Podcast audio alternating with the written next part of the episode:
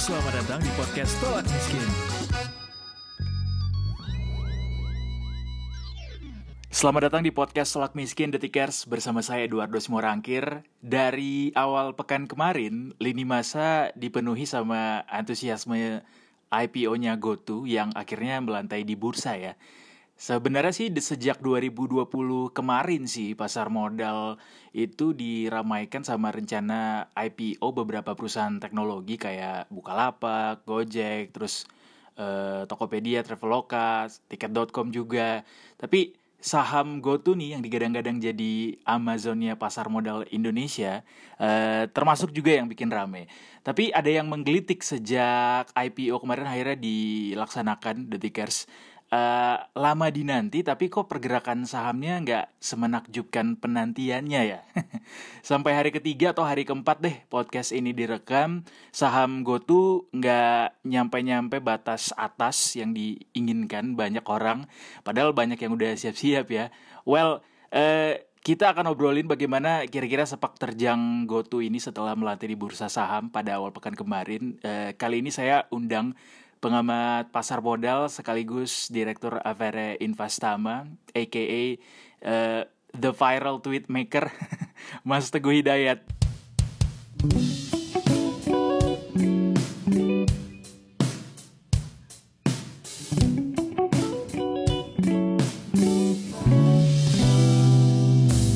Mas Teguh, selamat pagi. Iya, selamat pagi. Selamat pagi Mas Teguh, welcome back to the podcast Mas. Mas apa kabar Mas? Baik Mas? Ya alhamdulillah baik. Baik ya. Gimana Mas kemarin setelah uh, ini kemarin baru bi bikin tweet viral lagi ya Mas? Dari umur 22 oh, iya. sampai 32 akhirnya resign dan akhirnya banyak yang ngikutin templatenya juga dan banyak yang viral juga. Iya iya ya apa bulan puasa lah agak bosen ya di rumah terus jadi ya biasa saya cari keributan gitu seperti itu. Oke, kalau udah bawa-bawa umur emang gampang ke trigger ya mas, gampang jadi viral gitu. Oke, okay. iya. Mas Teguh, speaking of go to IPO kemarin, uh, gimana mas analisisnya sampai hari keempat nih sesuai ekspektasi nggak mas? Ya, jadi ini ceritanya cukup panjang ya, mm -hmm. Goto ini. Uh, tapi mungkin saya coba coba persingkat saya saya padatkan gitu. Sebenarnya kan kalau kita investasi di pasar modal kita beli saham itu bukan sesuatu yang mudah dimengerti oleh orang awam sebenarnya. Hmm. itu sesuatu yang yang yang complicated dan untuk bisa katakanlah kita memperoleh keuntungan dari instrumen saham itu tidak mudah lah. Kita harus belajar dulu kita harus mengerti mengerti menilai perusahaan yang bagus itu seperti apa, lalu menghitung valuasinya bagaimana dan seterusnya. Hmm. Tapi dalam jadi biasanya gini, kalau misalnya ada perusahaan IPO, nah IPO itu sendiri kan ya kalau kami di pasar modal ya sudah mengerti artinya apa, hmm. inisial public offering. Tapi kan kalau orang awamnya juga mungkin nggak tahu IPO itu apa. Nah, tapi ketika disebut nama Goto yang merupakan gabungan dari dua perusahaan yang dua-duanya sama-sama besar, sama-sama sangat dikenal di masyarakat, yaitu Gojek dan Tokopedia, hmm. ya otomatis semua orang uh, jadi ikut gitu ya, karena memang ditawarkannya IPO-nya Goto ini juga tidak hanya di lingkungan uh, investor itu sendiri. Hmm. Nah itu maksud saya perbedaannya.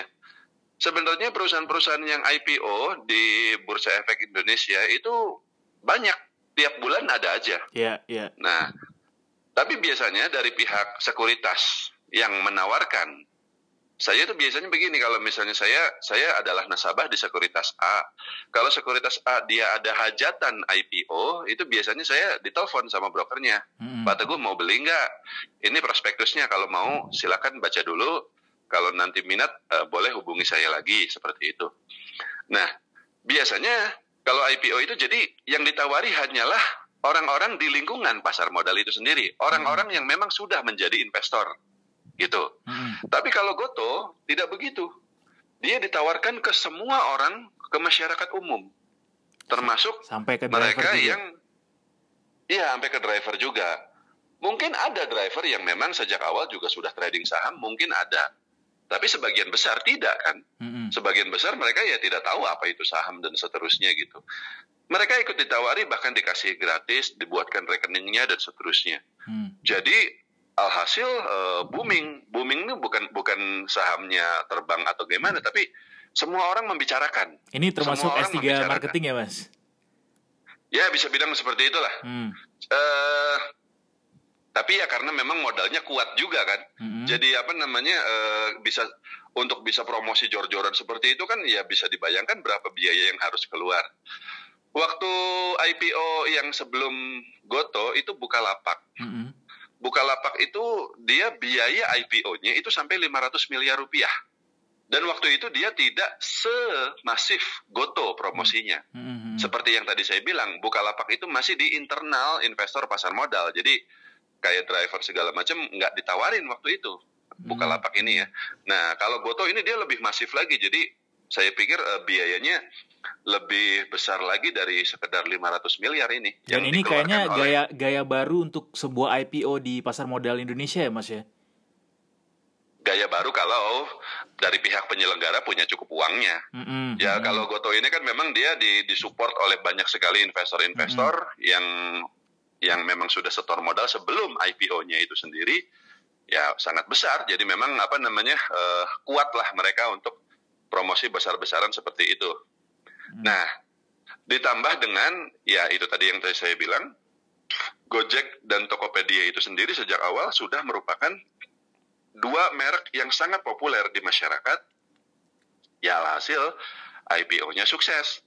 Okay. Dari target dana yang 18 triliun rupiah ya dapat perusahaan dapat uang 18 triliun tersebut gitu mm -hmm. dan ya sekarang semua orang istilahnya uh, uh, ramai ngomongin ngomongin uh, Goto ini nah tapi balik lagi kalau misalnya saya ditawari saham IPO, hmm. saya sebagai profesional, pekerjaan saya memang berinvestasi. Hmm. Saya itu bisa baca itu prospektus tuh lalu saya bisa menilai apa segala macam. Dan prospektus itu itu tuh udah kayak kitab suci panjangnya itu. Betul. Apa namanya tebel banget dan banyak banget istilah-istilah yang istilahnya uh, ya minimal kita harus ngerti akuntansi, kita harus ngerti istilah-istilah pendapatan apa segala macam. Saya tidak bilang itu istilahnya hanya bisa dimengerti oleh orang-orang yang pinter atau gimana, tapi intinya kalau masih awam banget nggak akan bisa ngerti langsung. Mm-hmm. harus harus harus sudah pengalaman lah. Saya mm-hmm. juga bukan lulusan finance atau apa pun. Tapi saya sudah lama di sini. Jadi saya bisa paham. Saya mengerti yes. ketika baca prospektus. Termasuk dari prospektusnya Goto itu tebalnya hampir seribu halaman. Yeah. dan itu saya baca semuanya. Dan saya bisa apa bisa bisa mengambil kemudian kesimpulan bahwa perusahaannya adalah begini dan begitu. Nah sekarang Mas bisa bayangkan orang yang uh, awam ya, yang tidak mengerti, tapi uh, dia istilahnya kan gini kalau dia mau beli e-IPO itu harus ada checklist di bawahnya itu. Hmm. Saya sudah membaca Betul, prospektusnya dan saya sudah mengerti. Ah, ah. Itu kan kayak kalau kita ini kayak kayak kita nginstal apa sih namanya software ya, terms on condition ya. ngerti nggak? Betul betul. Terms and condition tapi terms and TNC-nya itu panjang sekali. Apakah kita baca? Enggak, kita main checklist-checklist aja. Hmm. Nah, di kota juga saya lihat ya orang sama. Akhirnya apa? Enggak baca prospektus mereka. Tidak hmm. mengerti sebenarnya perusahaan ini balik lagi yang dia tahu adalah perusahaannya banyak orang pakai di handphone dia sendiri ada aplikasinya, ya kan? Dia sendiri mungkin sering belanja di Tokopedia dan seterusnya. Tapi kalau lebih dalam soal ini perusahaan ini prospek ke depannya bagaimana, kinerja keuangannya di masa lalu seperti apa, apakah perusahaan ke depannya akan bayar dividen atau tidak, valuasi sahamnya bagaimana, hmm. itu kan sudah advance. Betul. Uh, balik lagi hanya hanya bisa dipahami oleh mereka yang uh, memang di bidangnya. Dalam hmm. hal ini kami yang hmm. memang di bidangnya seperti itu. Ya akhirnya yang yang mereka dengar ya, oh ini sahamnya bakal terbang to the moon, hmm. atau mungkin bakal turun segala macam lalu mereka beli ya coba-coba saja memang belinya mungkin cuma 10 juta mungkin cuma 15 juta kalau yang beli gitu ya tapi ketika yang membeli saham Goto ini di awal sampai uh, ratusan ribu orang, ya kekumpulah itu 18 triliun ya. dari apa uh, bagi perusahaannya. Makanya nah, sekarang jadi, kita tanya ke Mas Teguh nih, gimana kira-kira ya. Valuasi sebenarnya saham GoTo itu kayak apa sih Mas? Terus uh, sejauh ini sudah sesuai dari uh, analisisnya Mas Teguh nggak? Sudah, sudah sesuai. Memang dia nggak akan naik lah. Hmm. Dia naik. Uh, sebenarnya kan harga IPO-nya kemarin itu 338. Iya, ya. Sekarang ya dia ya di harga di atas itu. Hmm. Di 300 berapa gitu. Tapi kalau ngarepin misalnya naik ke 500 apa nggak bisa. Karena gini, sebenarnya simple. Goto ini dia dilepasnya itu pada market cap market cap itu adalah nilai dari seluruh saham beredar dikali harga sahamnya itu sendiri, mm-hmm. ya. Itu sudah mencapai 400 triliun sekian. Besar sekali, mahal sekali. Goto ini dia itu market capnya sudah nomor tiga mm. dari seluruh saham di bursa efek. Dia itu cuma kalah dibanding Bank BCA dan Bank BRI. Okay. Bank BCA kita tahu bukan hanya sudah sangat dikenal, tapi juga sudah sangat mapan. Sudah sejak tahun 1957. Hmm. Bank BRI sama Bank BRI itu ya sampai pelosok ada dan perusahaannya sudah sangat menguntungkan bayar dividen segala macam sudah dari zaman uh, penjajahan Belanda malah hmm. Bank BRI ini sudah hmm. ada gitu. Goto ini tiba-tiba dia nongol ya. Tiba-tiba dia baru ada 10 tahun kan, nah, dan tiba-tiba dia menempati posisi elit istilahnya. Yeah. Posisi elit dia uh, dari saham-saham dengan kapitalisasi pasar terbesar di bursa efek mengalahkan Telkom, mm -hmm. mengalahkan Astra dan mengalahkan uh, Bank BNI dan yang lain-lain yang sebenarnya mereka semuanya perusahaan mapan. Mm -hmm. Goto ini tidak hanya dia baru berdiri selama 10 tahun terakhir, selama selama, uh, selama dia berdiri sampai hari ini, perusahaan masih rugi itu kenyataannya. Mm-hmm. Seperti perusahaan uh, startup startup lainnya. Jadi perusahaannya bakar duit terus, rugi terus ya, tapi dia langsung IPO pada valuasi yang amat sangat tinggi. Uh, tinggi. Jadi kayak ginilah kalau saya suka suka ngibaratinnya gitu. Mm-hmm. Uh, rumah kontrakan ya, mm-hmm. yang memang kelihatannya dari luar itu bagus karena ya arsitekturnya modern apa segala macam dan dia memang betul apa namanya uh, ramai yang tinggal di situ tuh rumah kontrakan atau rumah kos-kosan tersebut tuh. Hmm. Tapi karena dari pihak perusahaan dia keluar duitnya sangat banyak untuk uh, bikin rumahnya jadi kelihatan bagus dan agar orang yang tinggal di situ juga banyak, maka harga sewanya jadi semurah mungkin ya. Maka sebenarnya perusahaannya rugi. Hmm. Tapi karena yang pakai banyak, ya disangkanya ini perusahaan bagus, ya disangkanya ini uh, menguntungkan. Perusahaannya dijual pada valuasi yang sangat tinggi, orang tetap beli, tapi balik lagi. Yang beli ini kan kagak ngerti yang masalah hmm. valuasi-valuasi ini. Mas, berarti yang kalau bisa ini Goto sama Gojek gitu. Kalau bisa diibaratkan uh, sahamnya GoTo nih sekarang too good to be true gitu Mas ya. Jadi orang harus hati-hati buat bisa uh, pegang ini saham gitu mau melakukan uh, berbagai transaksi untuk saham GoTo ini? Kalau saya ngomongnya begini sejak awal. Coba tanya semua orang yang memang sudah di pasar modal, mm -hmm. yang dia memang yang memang dia investor sudah pengalaman lima tahun, 10 tahun misalnya. Mereka tuh ya mengerti bahwa Goto ini ya karena dia rugi, ya satu rugi dan kedua oh, valuasinya sangat tinggi, dia disamakan dengan perusahaan-perusahaan elit yang tadi saya sebutkan, hmm. ya sebenarnya ya dia tidak layak invest, dia nggak nggak akan bisa naik. Hmm. Mungkin mungkin mungkin uh, mungkin mungkin justru turun gitu. Tapi kalau saya menjelaskan itu ke orang awam, hmm. balik lagi ya, saya suka menganalogikannya begini, menganalogikannya. Kalau misalnya saya ini adalah seorang dosen teknik, lalu ada mahasiswa saya nanya ke saya, Pak Teguh, tolong jelaskan bagaimana pesawat terbang itu bisa terbang. Penjelasannya itu bagaimana gitu loh. Hmm. Konsep aerodinamikanya bagaimana dan seterusnya. Saya bisa jelaskan ke si mahasiswa ini. Hmm. Tapi bayangkan kalau misalnya ada anak SD nanya yang sama. Yang yang dia sama sekali tidak ngerti gitu apa namanya uh, ya masih belajar matematika apa segala macam. mungkin susah jelasinnya. Jadi kalau saya jelasin ke, uh, ke masyarakat umum awam yang sama sekali tidak pernah beli saham sebelumnya, tapi dia ditawari untuk membeli Goto, tak peduli sejelas apa pun saya menjelaskan, mungkin mereka tetap tidak mengerti. Hmm. Dan kenapa saya ngomong begini itu berdasarkan pengalaman. Hmm. hmm. Jadi bukan uh, saya tidak akan bilang to good to be terus, tapi saya ngomong begini.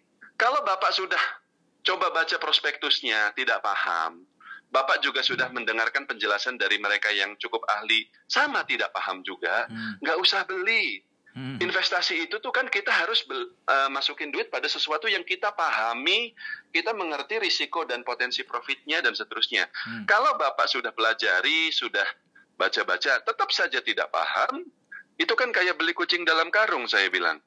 Dan itu apa nggak ada bedanya dengan istilahnya uh, tawaran-tawaran investasi entah itu robot trading atau apa pun yang yang apa namanya uh, mungkin benar tapi mungkin juga tidak. Tapi rata-rata orang yang masuk itu ya karena uh, ada iming-iming istilahnya satu iming-iming dan yang kedua tidak paham. Hmm, hmm. kalau paham kalau paham risikonya silahkan.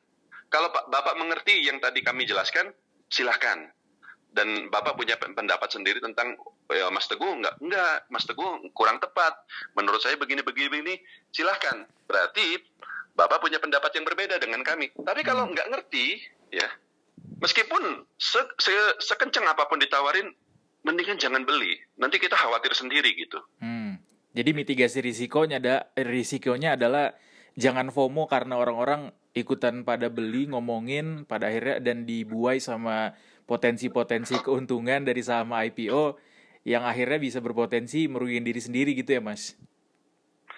Iya, uh, ya karena karena semua orang ngomongin, karena promosinya gencar dan kita sendiri ditawarin kan jadi penasaran, Betul. ya kan? Nah, uh, itu wajar. Maksud saya kalau misalnya promosinya Goto tidak seramai itu, ya orang juga tidak akan sebanyak itu yang beli sahamnya. Hmm. Tapi saham itu ya complicated tidak sesederhana itu. Yes. Ada hitung-hitungannya dan seterusnya. Kalau kita paham hitung-hitungannya dan setelah kita hitung, oh ini masih bagus, ya silahkan. Menurut menurut saya ini masih bagus, silahkan. Tapi kalau blank sama sekali, ya jangan gitu. Hmm. Kita jadi nggak punya gambaran dan itu kan kita mempercayakan uang kita ke orang lain kan sebenarnya. Kalau investasi itu, nah itu kita harus uh, hati-hati gitu. Okay. Gitu bicara untuk kondisi saat ini kan gitu ya mas. Artinya uh, masyarakat jangan sampai uh, spending duitnya bisa-bisan buat uh, saham IPO let's say kita bisa bilang contohnya salah satunya yang saat baru kejadian ini adalah GoTo karena memang lagi happening dan dibuai dengan proyeksi-proyeksi keuntungan dari saham-saham IPO nah uh, untuk kondisi sekarang uh, mitigasi risikonya adalah itu. Untuk masa depan, Mas Teguh, uh, proyeksi di masa depan untuk GoTo sendiri uh, kan digadang-gadang juga jadi Amazonnya Indonesia karena uh, ini jadi satu momentum juga kebangkitan saham-saham teknologi lagi. Kalau Mas Teguh ngelihatnya proyeksi ke depan GoTo akan seperti apa, Mas Teguh? Sebenarnya dulu waktu buka lapak IPO, mm -hmm ceritanya juga sama. Mm-hmm. Jualannya juga sama gitu bahwa ini the next Amazon katanya. Mm-hmm. Jadi harga sahamnya itu bakal to the moon. Saya udah bilang waktu itu nggak bisa disamain. Saya bilang apa namanya uh, Amazon itu tuh bahkan ketika sejak awal berdirinya dia sudah melayani seluruh dunia. Bukalapak dan juga Tokopedia dan satu lagi Gojek itu cuma di Indonesia saja. Re regional pun tidak regional tuh kalau kayak Grab ya, Grab itu kan ada di Malaysia, ada di Thailand, di Indonesia gitu kan. E, buka Tokopedia sama Gojek, meskipun Gojek memang ada ekspansi juga di Vietnam, tapi masih masih babat alas lah, masih masih merintis banget gitu. Hmm. Nggak bisa disamain. Dan ternyata benar kalau untuk kota Bukalapak dari harga IPO-nya 850 ya sekarang tinggal 300. Turunnya itu berarti lebih dari 50 persen. Hmm. Nah, jadi sebenarnya saya saya uh, agak skeptis dengan cerita yang Amazon itu. Maksud saya begini, hmm. sudah ditunjukin kasus Bukalapak, ceritanya sama, sahamnya turun. Kok cerita yang sama masih dijual dan masih laku juga? Gak ngerti saya. Berarti orang-orang ini kayak nggak nggak belajar gitu loh. Tapi bisa jadi juga balik lagi yang tadi saya bilang waktu buka lapak yang ditawari kan orang-orang yang memang investor pasar modal. Hmm. Sekarang yang ditawari di Goto ini masyarakat umum. Mungkin mereka belum tahu cerita di Bukalapak ini. Mungkin mereka nggak tahu bahwa saham Bukalapak itu drop. Jadi ketika di, diceritakan bahwa ini the next Amazon ya mereka percaya saja. Mm-hmm. Nah, ya balik lagi berarti kan uh, yang menjualnya ini uh, pinter kan, dia promosinya bagus dan seterusnya. Even in the nah, next tapi, five or ten years, Mas Teguh. Oke, okay. sebenarnya gini, hmm. kita lihat dulu Amazon ya, kita lihat dulu Amazon. Amazon itu ya balik lagi kan orang tuh ngelihatnya itu terlalu simple. Mm-hmm. Simpelnya itu apa? Sekarang sahamnya luar biasa kenaikannya. Dulu harga sahamnya itu cuma 60 dolar tahun 2000-an awal, sekarang itu sudah 3000 dolar per saham. Jadi kan luar biasa kenaikannya. Itu aja yang mereka lihat. Hmm. Nggak dilihat background story-nya. Amazon itu, itu kan dia berdiri itu tahun 95. Tahun 95 sama Jeff Bezos itu kan. Mm-hmm. Sekitar tahun 2000, berarti hanya dalam waktu lima tahun dia itu sudah menjadi salah satu e-commerce yang cukup besar di Amerika Serikat ya bersama dengan yang lain-lain. Tapi waktu itu apa? Dia itu hanya satu dari banyak pemain e-commerce ketika itu. Ada yang lain-lain dari itu tutup uh, bangkrut semua. Dulu ada namanya world.com, hmm. x.com, broadcast.com ya Amazon.com kan jadi ada .com-nya gitu yeah, seperti yeah. itu. Lalu uh, eBay.com. Nah, beberapa nama-nama tersebut itu tuh lebih besar daripada Amazon ketika itu. Hmm. Ini kita bicara 20 tahun yang lalu. Hmm. Sebelum sebelum uh, tahun 2000, jadi tahun 90-an akhir. Nah, ya, waktu bubble tuh ya, jadi, Mas. Bubble.com. Betul, bubble waktu itu. Jadi karena uh, ya sebenarnya mirip seperti sekarang. Saham-saham hmm. teknologi itu dihargai sangat tinggi. Ya itu tadi saya bilang Bukalapak Goto belum apa-apa. Market cap-nya dia sudah sama dengan perusahaan yang sebenarnya sudah sangat mapan gitu. Hmm. tapi balik lagi ke Amazon. Jadi waktu itu bubble.com ini akhirnya pecah. Saham-sahamnya pada anjlok semua termasuk Amazon ya termasuk Amazon termasuk yang lain-lain yang lebih besar daripada Amazon dan yang lain-lain ini bangkrut semuanya waktu itu. Hmm. Karena perusahaannya terus bakar duit tapi tidak ada investor baru. Nah, kenapa Amazon ini survive? Karena waktu itu dia dapat pendanaan persis sebelum bubble-nya itu pecah. Salah satunya dari siapa? Dari Bill Gates. Oke. Okay. Yang punya yang yang punya yang punya Microsoft itu loh.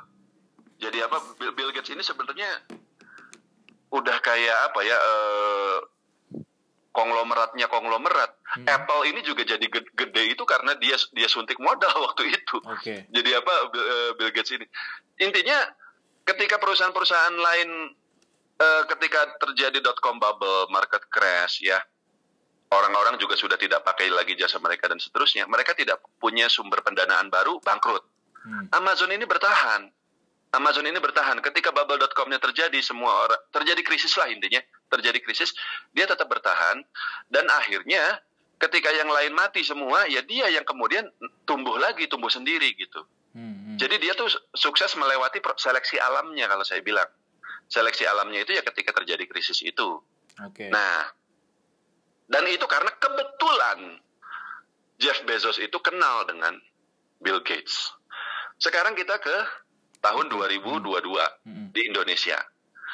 Sekarang buka lapak, lalu ada Tokopedia segala macam. Mereka semuanya masih bakar duit kan, masih rugi kan. Dan mereka punya investor uh, investor-investor strategis. Jadi bukan investor retail yang masuk pasti IPO, tapi investor yang masuk sebelum IPO dan pada valuasi yang juga jauh lebih rendah sehingga ketika sekarang sahamnya listing ya mereka investor awal ini pada untung. Hmm. Ada hmm. kalau di Indonesia ada Telkomsel, ada Astra, kalau di luar negeri banyak ada SoftBank, ada dari Uni Emirat Arab, Tencent dan seterusnya. Nah, okay. meski uh, sekarang ini ya para investor awal ini sudah mulai menikmati hasilnya karena uh, sebenarnya kalau mereka jual harga sahamnya di in, di pasar pada harga sekarang ke investor publik di Indonesia mereka uat, mereka cuan. Hmm. Karena apa namanya modal awalnya itu bukan 338 rupiah, mungkin cuma 50, mungkin cuma 25 perak per saham. Jadi uh, sangat uh, jauh lebih rendah gitu daripada harga yang dibayar oleh investor retail. Hmm. Tapi mereka tidak akan melakukan itu dulu. Hmm. Nah, Nah, mas, mas, maksud saya adalah begini. E-commerce di Indonesia itu nggak cuma Tokopedia, banyak. Yeah. Ojek online juga nggak cuma Gojek, tapi banyak juga yang lain. Ada Maxim, ada Grab, ada macam-macam, segala macam. Kita belum sampai pada titik bubble yang kemudian terjadi krisis resesi itu. Hmm. Kita belum, dan itu bisa terjadi kapan saja. Kalau itu terjadi, ya, kalau itu terjadi, lalu ada perusahaan-perusahaan pesaingnya ini pada mati semua, lalu tinggal tersisa Goto doang yang kemudian berhasil bertahan, ya. Hmm. Nah itu baru mungkin setelah itu prospeknya baru cerah, mungkin baru bisa jadi Amazon gitu. Kalau sebelum itu terjadi, krisisnya belum terjadi nih, bubble.com-nya belum terjadi, belum terjadi market crash, harga sahamnya belum anjlok, belum terjadi, ya krisis lah, krisis uh, seperti yang terjadi di Amerika tahun 2000-an awal itu gitu ya. Hmm. Dan belum ada kondisi di mana perusahaan-perusahaan yang lain pada bangkrut. Ya berarti belum belum belum melewati ujiannya gitu. Oke. Okay. Belum tahu nih apakah Goto ini memang bakal seperti Amazon atau seperti yang tadi saya sebutkan X.com, World.com, Broadcast.com hmm. yang udah pada bangkrut semua. Jadi kita Karena, tunggu ujiannya ya, Mas. Iya, di, uh, uh, karena mereka gagal melewati ujiannya. Iya. iya. iya. Tapi kita belum belum belum tahu gitu. Hmm. Dengan gitu. ekosistem yang dimiliki sama GoTo sekarang, ini kuat-kuatan ekosistem nih mas. Uh, gimana mas? Apakah cukup kuat untuk bisa nanti diproyeksi uh, menghadapi ujian itu? Itu kan kata kuncinya. Hmm. Amazon sendiri sebenarnya memang waktu-waktu bubble.com itu dia sahamnya terbang uh, tahun 99 sampai tahun 2000 itu tuh sampai serat 300 dolar per, per saham kalau nggak salah. Tapi begitu crash sahamnya tetap jeblok lagi sampai 60 dolar sekitar tahun 2003. Eh, Dan dia bertahan karena dia yang tadi Pak Mas bilang ekosistemnya kuat, mm -hmm. yang modalin tuh kuat, mm -hmm. ada Bill Gates di belakangnya. Yang lain-lain karena dia nggak kuat modalnya, kolaps gitu. Nah, Goto betul di belakangnya ini kuat dan hmm. dia juga sudah sukses IPO. Jadi dia sudah dapat tuh 18 triliun kan lumayan hmm. untuk dibakar seperti itu ya untuk untuk prom promosi lagi dan seterusnya. Yeah. Tapi balik lagi kalau belum belum ada belum ada ujiannya itu yang tadi saya sebut dalam tanda kutip ya ujian kita belum tahu seberapa kuat nih ekosistem ini uh, terus uh, menggelontorkan uang dalam kondisi yang istilahnya nanti krisis. Hmm. Dalam kondisi pandemi kemarin sebenarnya itu Goto dan juga perusahaan-perusahaan e-commerce atau teknologi lainnya itu justru diuntungkan sebenarnya. Jadi memang terjadi krisis, tapi kalau untuk pengiriman barang, pengiriman makanan, GoFood segala macam itu kan justru meningkat. Jadi justru kemarin itu sebenarnya bukan krisis kalau bagi bagi Goto pandemi kemarin tuh, melainkan justru booming. Nah, tapi nanti akan terjadi periode krisis itu. Kita nggak tahu cepat atau lambat, tapi itu akan terjadi. Nah, baru di situ kita lihat uh, seberapa kuat ekosistemnya dia. Yang tadi disebutkan ekosistemnya kuat segala macam, itu kan baru teori. Hmm. Belum belum benar-benar melewati ujian yang sesungguhnya. Hmm, hmm. Gitu. Oke, okay, oke. Okay. Terakhir Mas Teguh, uh, singkat saja kalau dari kacamata Mas Teguh selaku analisis, selalu selaku analis, selaku, selaku pengamat pasar modal, uh, dalam lima tahun uh, GoTo akan bisa menyentuh di level berapa Mas Teguh? kalau misalnya perusahaannya masih terus rugi seperti sekarang, ya eventually akan turun. Sebenarnya gini, uh, Bukalapak itu waktu dia IPO itu market cap-nya juga sangat-sangat jumbo dan bikin orang kaget. Mm -hmm. 88 triliun. Betul dia tidak sebesar uh, BCA ya, BCA itu sudah 900 triliun, sudah hampir 1000 triliun malah. Hmm. Dia jauh lebih kecil eh, buka lapak, tapi tetap aja tiba-tiba sebesar itu 88 triliun untuk perusahaan yang merugi dan bahkan juga bukan market leader. Bukalapak kan nggak sepopuler Tokopedia ya okay. penggunaannya. Okay. Saya waktu itu udah komentar, nggak masuk akal valuasi segini kalau apa bahkan pada harga 20 30 triliun pun masih diperdebatkan saya bilang. Dan ternyata betul hari ini setelah sahamnya turun, market cap-nya dia itu tinggal sekitar 30 triliun mm -hmm. dari sebelumnya uh, 88 T. Nah, harga saham Goto sekarang itu market cap-nya 400 triliun lebih, 450 kalau nggak salah. Mm -hmm. uh, hampir sama dengan perusahaan-perusahaan besar uh, yang lain. Nah, sedangkan perusahaannya masih rugi.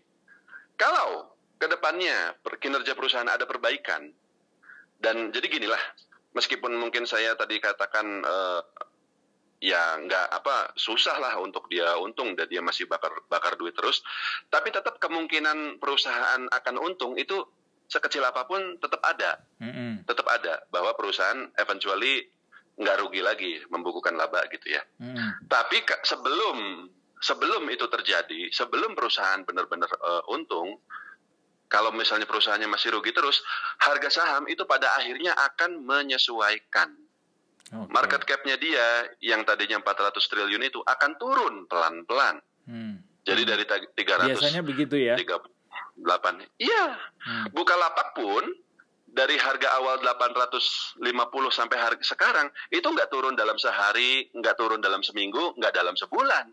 Hmm. Tapi dalam waktu lebih dari enam bulan. Jadi turun tapi pelan-pelan gitu. Nah, kalau kita bicara lima tahun, itu terlalu apa cukup panjang dan memang dalam jangka waktu lima tahun itu apa pun bisa terjadi hmm. termasuk yang hmm. tadi saya bilang eventually perusahaan akan membukukan laba tapi kan kapan dia laba kita nggak tahu hmm. entah itu 2023 2024 2025 kita tidak tahu okay. yang kita tahu saat ini perusahaan masih